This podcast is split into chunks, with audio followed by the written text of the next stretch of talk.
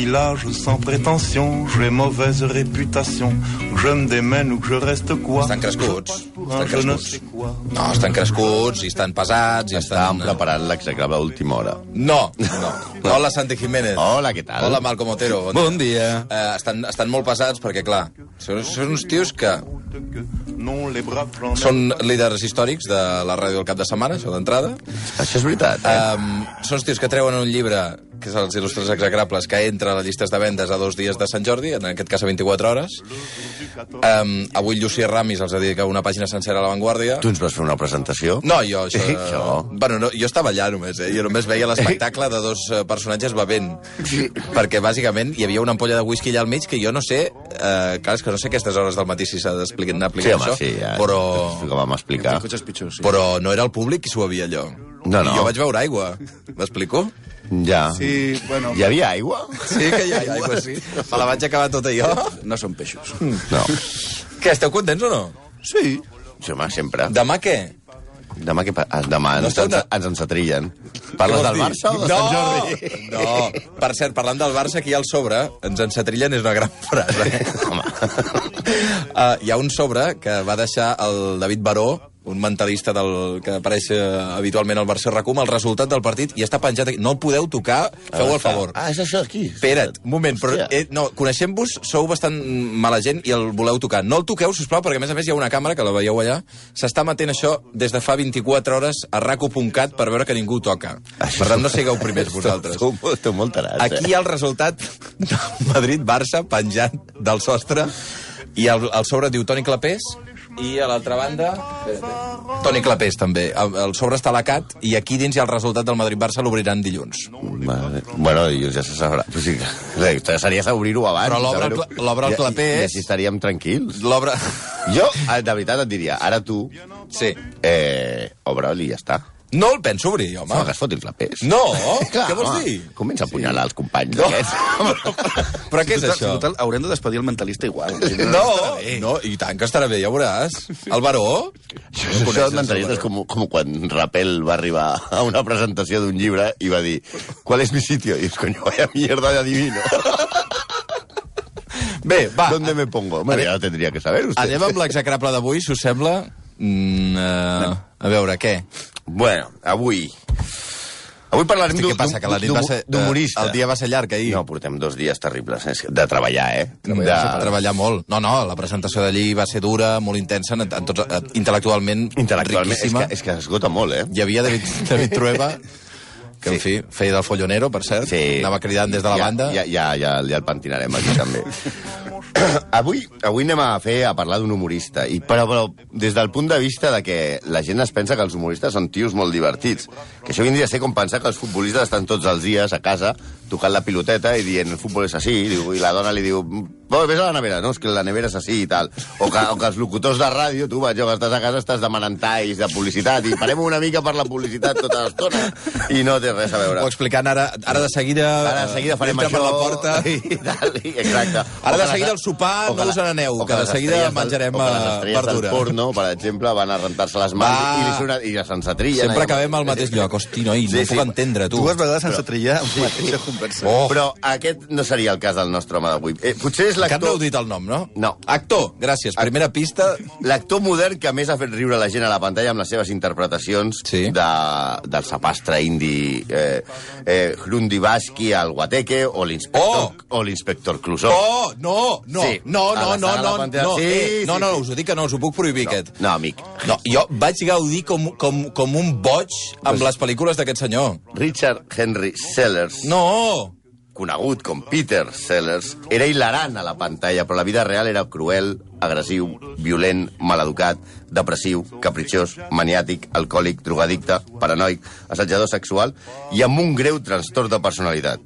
Com el va definir el director de cinema Peter Hall, en aquest negoci, per tenir talent has de tenir talent per gestionar el talent. I d'això, Peter no en va tenir mai.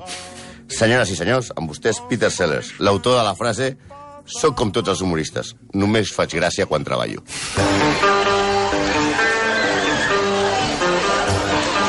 Aquesta és la fantàstica música del, del Guateque, de Party. Que Em direu que no us agrada No, no, Guateque. el Guateque que és és. És un pel... No, no, no. i el Guateque per mi és la millor pel·lícula d'humor Sí, sí, sí. de sí tots jo encara... Jo I ara estàs sent seriós, no? Sí, no, dic la veritat, absolutament. totalment, totalment. A favor, a favor. Però, però comencem amb una notícia bomba. Peter Sellers mai va fer una pel·lícula. Com que mai va fer una pel·lícula? Ni bona ni dolenta, Xavi. El veritable Peter Sellers va morir al, al cap de pocs dies de néixer. Un temps després de la mort del nadó Peter Sellers, Peck i William Sellers, dos còmics de tercera fila a Anglaterra, van tenir un altre nen i li van posar Richard Henry de nom. Però el record del nen món era tan fort i els torturava tant que, tot i que el registre del nom estava com a Richard, a casa des del primer dia li van dir Peter en record del seu germà mort. Què Des del primer dia la seva vida La, Sellers... la, la taradesa li venia de fàbrica. Home, clar, ja va començar a interpretar algú que no Perdona, era. els seus pares l'anomenaven com el Com nadó el que se'ls havia Peter. mort. Sí. O sigui, És horrorós. No es deia Peter, es deia Richard Henry. Sí, la cosa aniria més, com veurem, i portaria el mateix Peter a declarar a moltes entrevistes de jo no existeixo. Em van extirpar l'ego quirúrgicament. Esgarrifa, eh? Hosti. A més a més, els seus pares, especialment la seva mare, la Pec, era una persona bastant detestable, també. Mai havien tingut el més mínim èxit com a comedians, eren uns actors de tercera que anaven per fires i tal, però estaven convençuts que el seu fill seria una estrella, especialment el Peter, que quan va néixer va morir. Per tant, el Peter, el nostre Peter, segon. a, a partir d'ara ja li direm Peter tota l'estona, eh? Sí. Diu, gairebé no va anar a l'escola i va créixer sent un nen malcriat i consentit en tots els seus capricis. Els, els seus pares només eren exigents amb ell quan actuava. Va començar a actuar de molt, de molt petit i molt Mhm. nen. I aleshores eh, les bronques, quan no anava bé, eren, eren molt cruels. No anava a classe, però si s'equivocava en escena, sí que les broncaven, no? Les frases dels seus pares eren tipus mai et rendeixis o tindràs un futur brillant com a escombraire, que pels de l'ESO un escombraire és com allò que té la teva mare, que és una rumba però que té, és una persona, saps? I, o, o seràs un fracassat, que això pels de l'ESO no els hem d'explicar. I, i que eren les frases que més sentia quan no feia bé a l'escenari. Després, si no volia anar al col·le, no passava res. Va ser un nen malcriat, detestable i fins i tot quan era adult. Ara us ho explicarem bé. Sí, de fet, el fet d'anar de ciutat en ciutat i anar pocs anys al col·legi eh, va fer que creixés sense amics. Oh, clar. Les seves úniques converses eren en ell mateix i per fer-les imitava veus. Hosti. D'una banda era una Parlava social... amb si mateix, així en veu alta. Sí, I- com estàs, Peter? Bé. Aleshores, d'una part era una social i un immadur, però d'una altra es va convertir en un geni de les imitacions. Podia imitar qualsevol accent de qualsevol part del món. Imagina't si podia imitar, que de fet va ser així com va, ser, com va entrar a la BBC. Ell es va fer passar per una estrella a l'espectacle, va trucar a Richard Peer, que era el, el, el gran productor dels programes de la BBC, i imitant la veu d'una estrella a l'espectacle va dir acabo de veure un tio en un teatre que es diu Peter Sellers que l'has de contractar. I el tio es va pensar que estava parlant amb, amb, amb aquesta estrella i va anar a veure'l i el va contractar. Oh, brutal. Sí, sí. O sigui, es va fer passar per una superestrella per dir-li que anés a veure'l a ell mateix Sí, sí, sí, i l'altre sí. va picar. I l'altre va I el picar. va fitxar. Sí, Ah, com si, si et truca algú passa, que es fa passar pel Monzó, sí. has de contractar dos tios que fan... O sigui, ara em truca el Pep Plata. Exacte. I, em, i, i comença a dir per telèfon, imitant el Monzó, que has de fitxar... Segurament el Càcer va fitxar pel Barça d'aquesta manera, imitant la veu d'algú, dient, hay un tío muy bueno en el Valencia, i el van fitxar.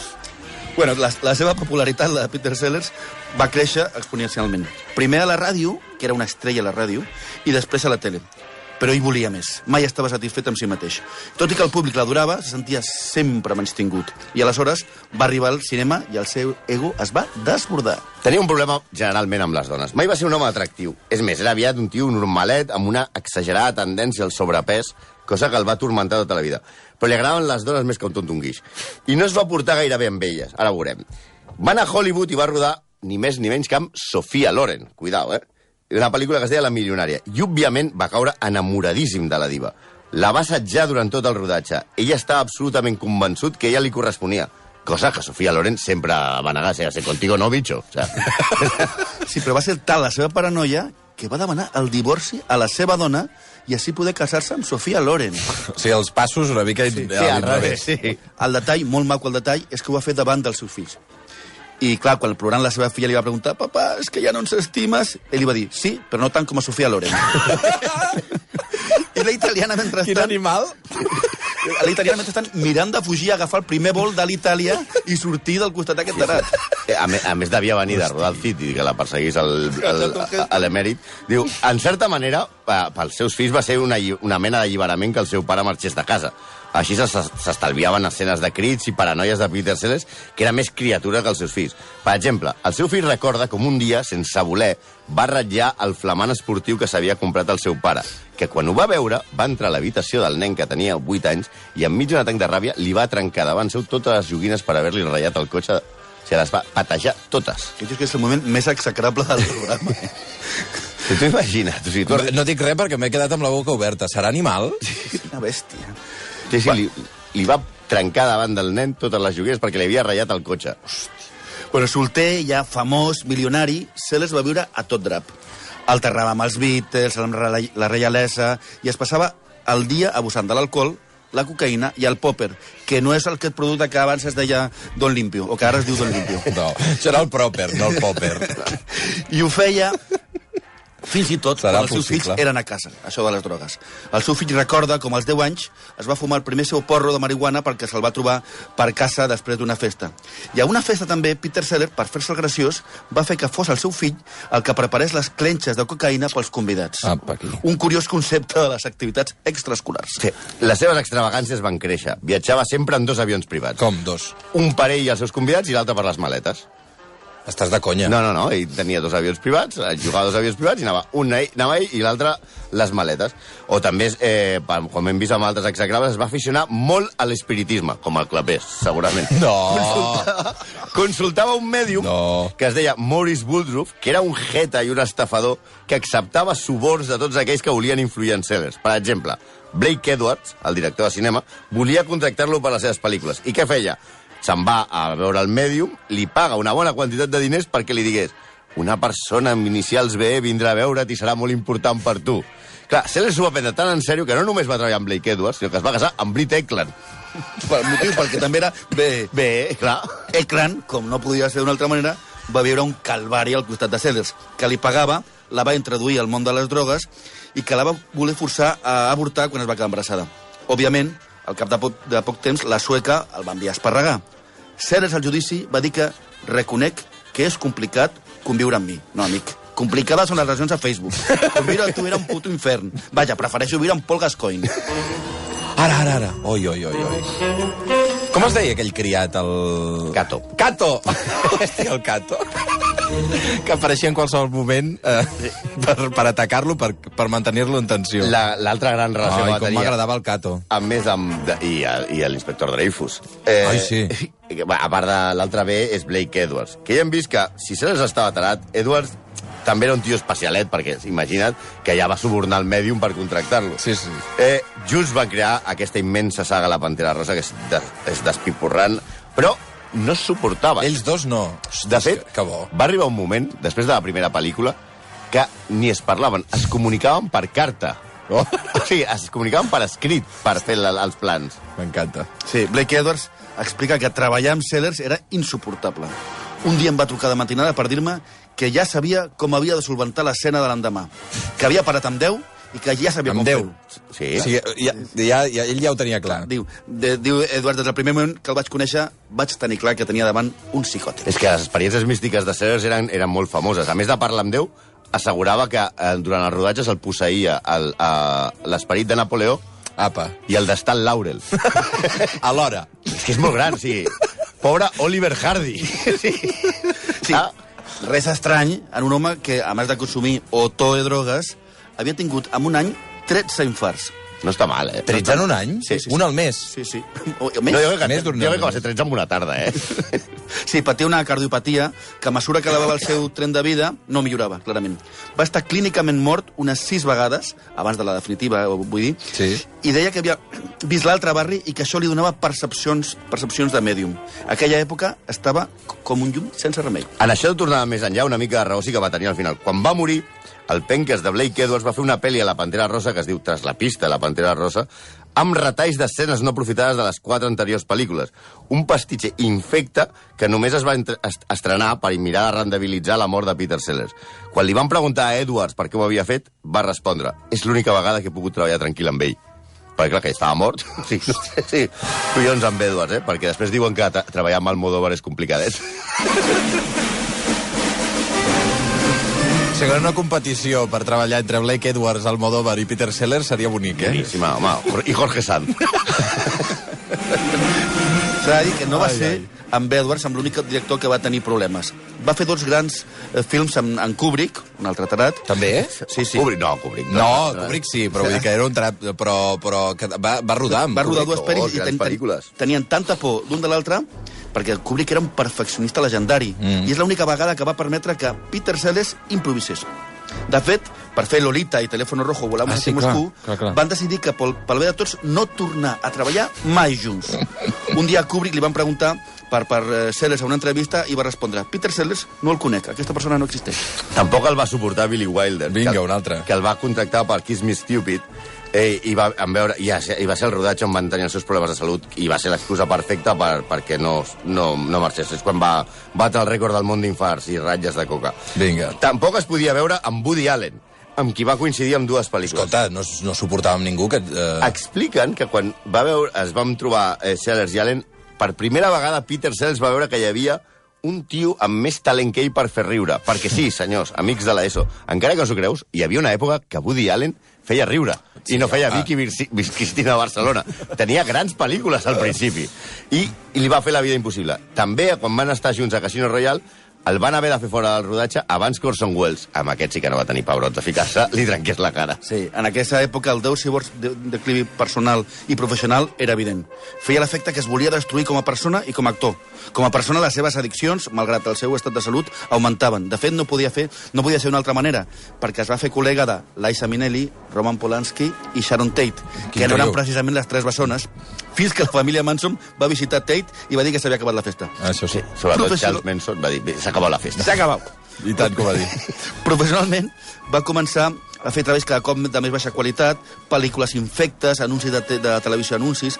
Michael Pellin, dels Monty Python, explica per què ho feia, molt fàcil, perquè li pagaven un milió de dòlars per pel·lícula. No podia dir que no.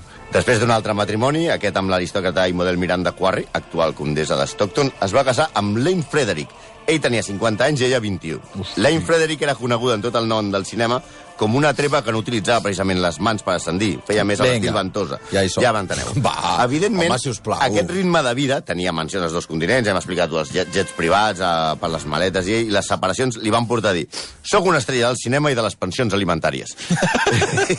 van portar-lo gairebé a la ruïna, tot i que encara es va fer una oferta als estudis, ell, per comprar totes les seves pel·lícules i cremar els negatius perquè Déu, amb un somni, li havia dit que era un molt mal actor. Estàs de conya, va comprar les pel·lícules i les No, va cremar. no li van permetre. Ah, no li van, no li van permetre. Però volia. Sí, sí, sí. I cremar-ho tot. Cremar-ho Quina mania amb els artistes que volen cremar la No, seva però és obra. que li havia dit Déu. Ja, ja, si li havia dit Déu, mira... I Stan Laurel, no pots fer igual res. després es va aparèixer Stan Laurel i li va dir no. No. Bueno, la, la, per sort, per sort no, no, no ho va fer, i aleshores es va obsessionar en guanyar un Òscar. Dic, no, pues ara seré un bon actor. Havia estat nominat per Teléfono Rojo i feia temps que estava capficat a la novel·la Binder de eh, Kosinski. La va portar al cinema fent-la imprescindible Bienvenido Mr. Chance, inter interpretant Chaucy Gardiner, un idiota que acabava sent president dels Estats Units. Això és ficció?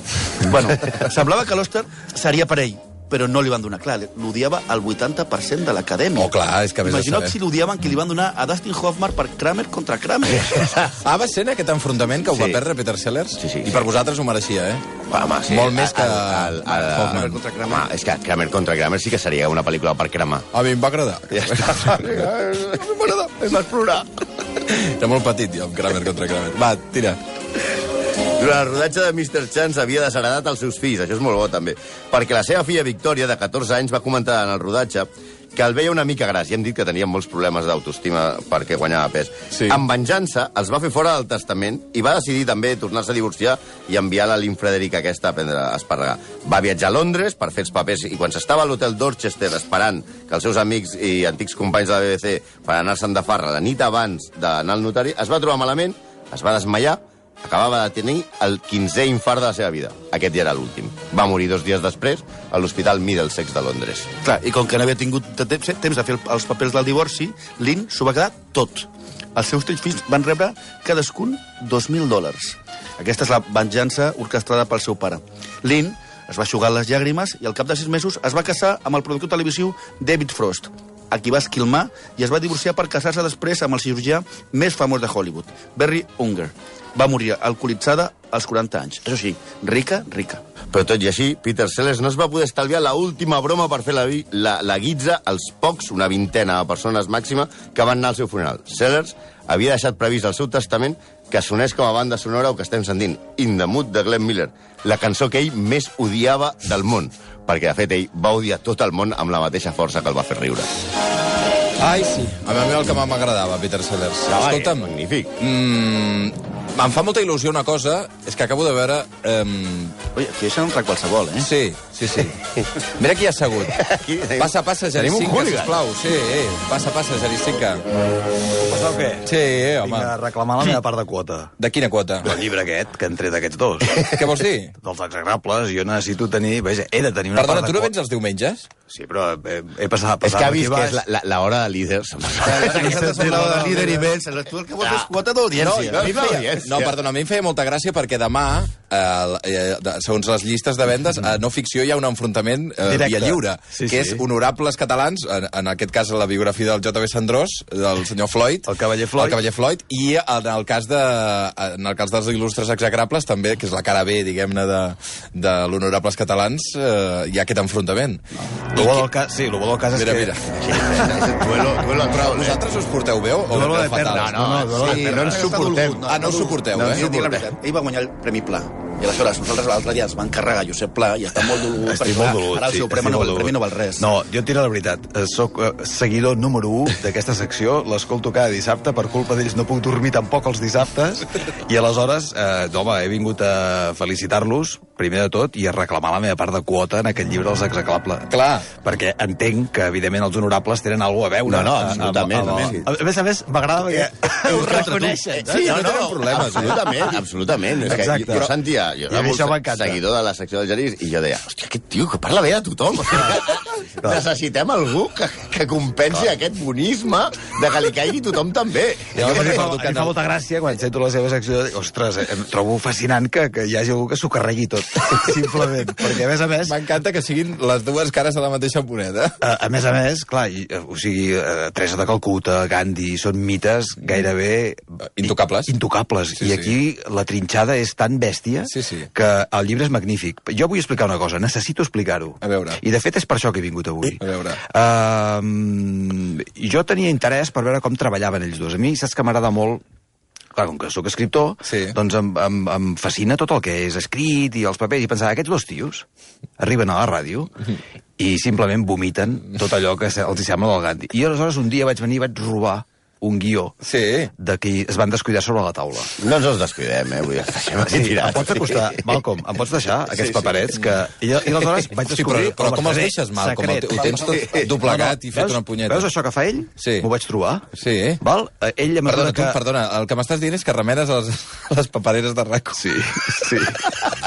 Escolta, ja podem, ja podem obrir sobre, aleshores, no? No, deixem-ho a sobre. Vale, I llavors vaig quedar, ostres, eh, vaig caure d'esquena, estic obrint els papers del Malcolm, que ell, a Sí. mesura que va passant el, el guió i la secció, va, va llegint. I vaig caure d'esquena de dir, ostres, és l'única secció de rac que és llegida de dalt a baix. No, no. O sigui, uh, està tu i jo, tu i jo, quan fem la secció, ens ho passem pel forro. Ah, sempre. Perquè uh, ens entusiasmem i comencem a parlar aquí cap allà, però ells... Però mira, saps, aquí té un motiu... Comencem amb una notícia bomba. Espera, Peter espera, Sellers va fer una pel·lícula. Una cosa, bona- una cosa té, té, un motiu, té un motiu claríssim, que és, hi ha gent que es pensa que s'ho inventen.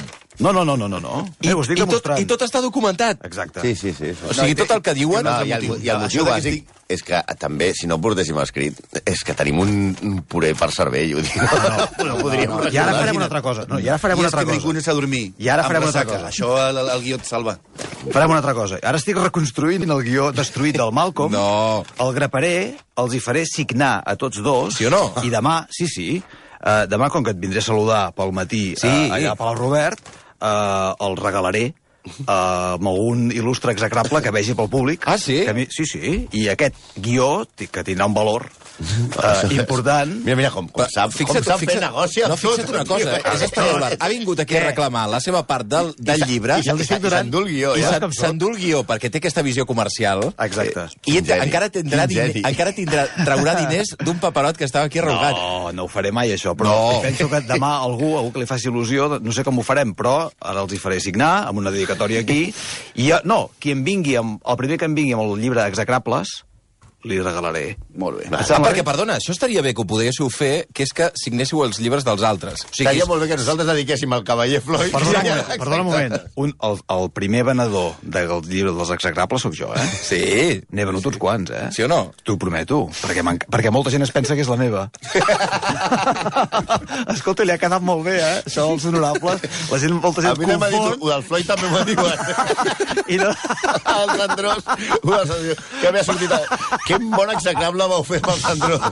Perquè si Bé. agaféssiu el Cendrós eh, podríeu trobar. No, Va, demà, igual, no, no, cal, no cal, no cal. Eh, Un moment. és bona persona, però demà jo crec que passarem, quan estem, passis per la ràdio, i destrossarem una mica el teu personatge. Sí, sí, ho podeu fer, perdona. No. Perdona, no, sí, No és feu que això. El, el Sí, cavaller el seu Floyd... llibre es pot trobar a totes les llibreries a les perfumeries de Barcelona. Deixeu-me llibre- tot arreu. Perdona, S'està- està, s'està acabant. El, el, S'està esgotant. El, el, del cavaller Floyd, a més a més, eh, aneu regalant Floyd per tot arreu. Demà, o sigui, a més a més... inundant de Floyd Catalunya. Demà al Palau Robert regalaré eh, tantes ampolletes de Floyd com pugui. Em portaré 15 o 20 Què i les dius, repartiré. home? Puc, m'ho deixes fer o no? Sí, A veure el guió si- per... Podríem estar i, i, i, que, i, i que et facin Una el cosa. programa mentre t'afeiten. No, eh, no, a feina m'afaito jo. Home, que, igual que necessitaríem molt. No, no, feina, no, no, no. a- a afaitar-nos, igual necessitaríem els altres tres, eh? Perquè tres. mira com arriba, com arriba el No, Genís, que és perfecte, amb una Va, corbata, un una... Sant Lluís. I, la- i la, re- exacte. I la resta, a- mira com a- anem. Me'n vaig a firmar llibres a Sant Feliu de Guíxols. Ara? Sí. Hosti, però si està lluny, això, eh? Ja pots, ja pots va, córrer. va, està aquí a les 12. A les 12, sí. a les 12 ja pots córrer. No, no, arribaré. No I tant llegamos, que eh? arribaré. I tant que arribaré. Escolta'm, Fes parada, a més a eh, més, crear expectatives. Bé, felicitats, eh? Moltes, Que igualment, estiu- home. Que, no, va, que està molt bé, home, els execrables es vendrà molt bé, però quedareu segons. Si és darrere teu, jo, sempre. Si és darrere teu, no, sempre. Nosaltres l'únic l'únic objectiu que teníem era superar Durant Lleida. Durant Lleida, efectivament. I la, I la setmana passada, quan van sortir, jo vaig veure que les llistes ja estava un grauret. Si et venen a firmar, a fer firmar algun llibre del cavaller Floyd, eh, per favor, foto Home, i clar. tuit, perquè em Una cosa, sentiré no, francament ja podem dir aquí, 11 i, do, i 2 minuts, 11 i 3 minuts. Perquè jo estic segur que firmareu execrables. Jo És que n'estic segur que rep, repto el oients que ens estiguin escoltant ara, aquest matí, que vagin a buscar la signatura dels dos, però amb els dos llibres. O sigui, que comprin els execrables i el cavaller Floyd i vagin amb, amb els dos nassos a, les, a la cua dels dos. No hi ha I a veure nassos, no hi ha perquè no, nassos. no, no coincidireu, no, suposo? Espero que no. No, perquè... No, nosaltres coincidim, he vist les signatures amb Jordi Cruz. No te'n Ah, sí? Sí. I, i amb... Hola, sóc Jordi Cruz, no? I amb, Hola, sóc Jordi? Cruz. Amb Samantha Villar. No sé, no sé, tots els escriptors I amb capellà. literaris. I amb Torito. Amb Torito. Ah, coincidiu amb el Torito? És el que més il·lusions fa. O sigui, tots no escriptors, perquè nosaltres sí que escrivim. Clar. Perquè això em fa gràcia. O sigui, ens passem el dia... A veure, Sí. aquest guió, aquest guió demostra que aquests dos tios realment escriuen. Curren, Curren, clar. m'entens? Llavors van allò i fa, fan la Tots presentació que aquests avui altres que has dit els hi fan els llibres? La- la- Per tant, no, no, parlem clar. Si algú s'atreveix i anar a comprar els il·lustres i el cavaller Floyd i anar a buscar la signatura d'uns i altres... Què? Ara no sé, a no sé, RAC1. no sé, què, no sé, què, no sé, alguna cosa li regalarem. Es Fan programa- una canya. No, no comencis. No, 11 en i 4... especial saludar a la Consol que s'ha cobert, que és una, una lectora, que és la que ha descobert que hi ha una errada en el llibre. Uh, Del- de Floyd? Sí, Ah, no, perquè el Santi Jiménez és del tònic. No, soc, perquè sóc dislèxic. I què vas posar? Vaig confondre els federals i els confederats amb Budacust. I no ho he... Sigui, jo sóc absolutament dislèxic. No! I això és impossible. El que passa que vas mamat. Que No, no, no, això- no, soc dislèxic. Ah, també. No, dir, no, a veure, Fas uns ja- ullets ja, de, mateix ja, de petit, ja de petit era dislèxic i no bevia. 11 i 4 minuts, o sigui que vas confondre uns i altres, eh? Sí, Un error Sí, sí, sí. eh, menor, absolutament. Gris, blau. Sí, clar. Malcolm, eh, Santi... Bueno, Genís, ens veiem tots tres demà, també, Bé, allà al Palau Robert. M'has d'ordenar el... el... Amb altra numeració, eh? Ja ho anireu fent vosaltres. Ara, ara ho feu fora de és publicitat. Vinga, va. Les aveugles, bien entendu. 11 i 5.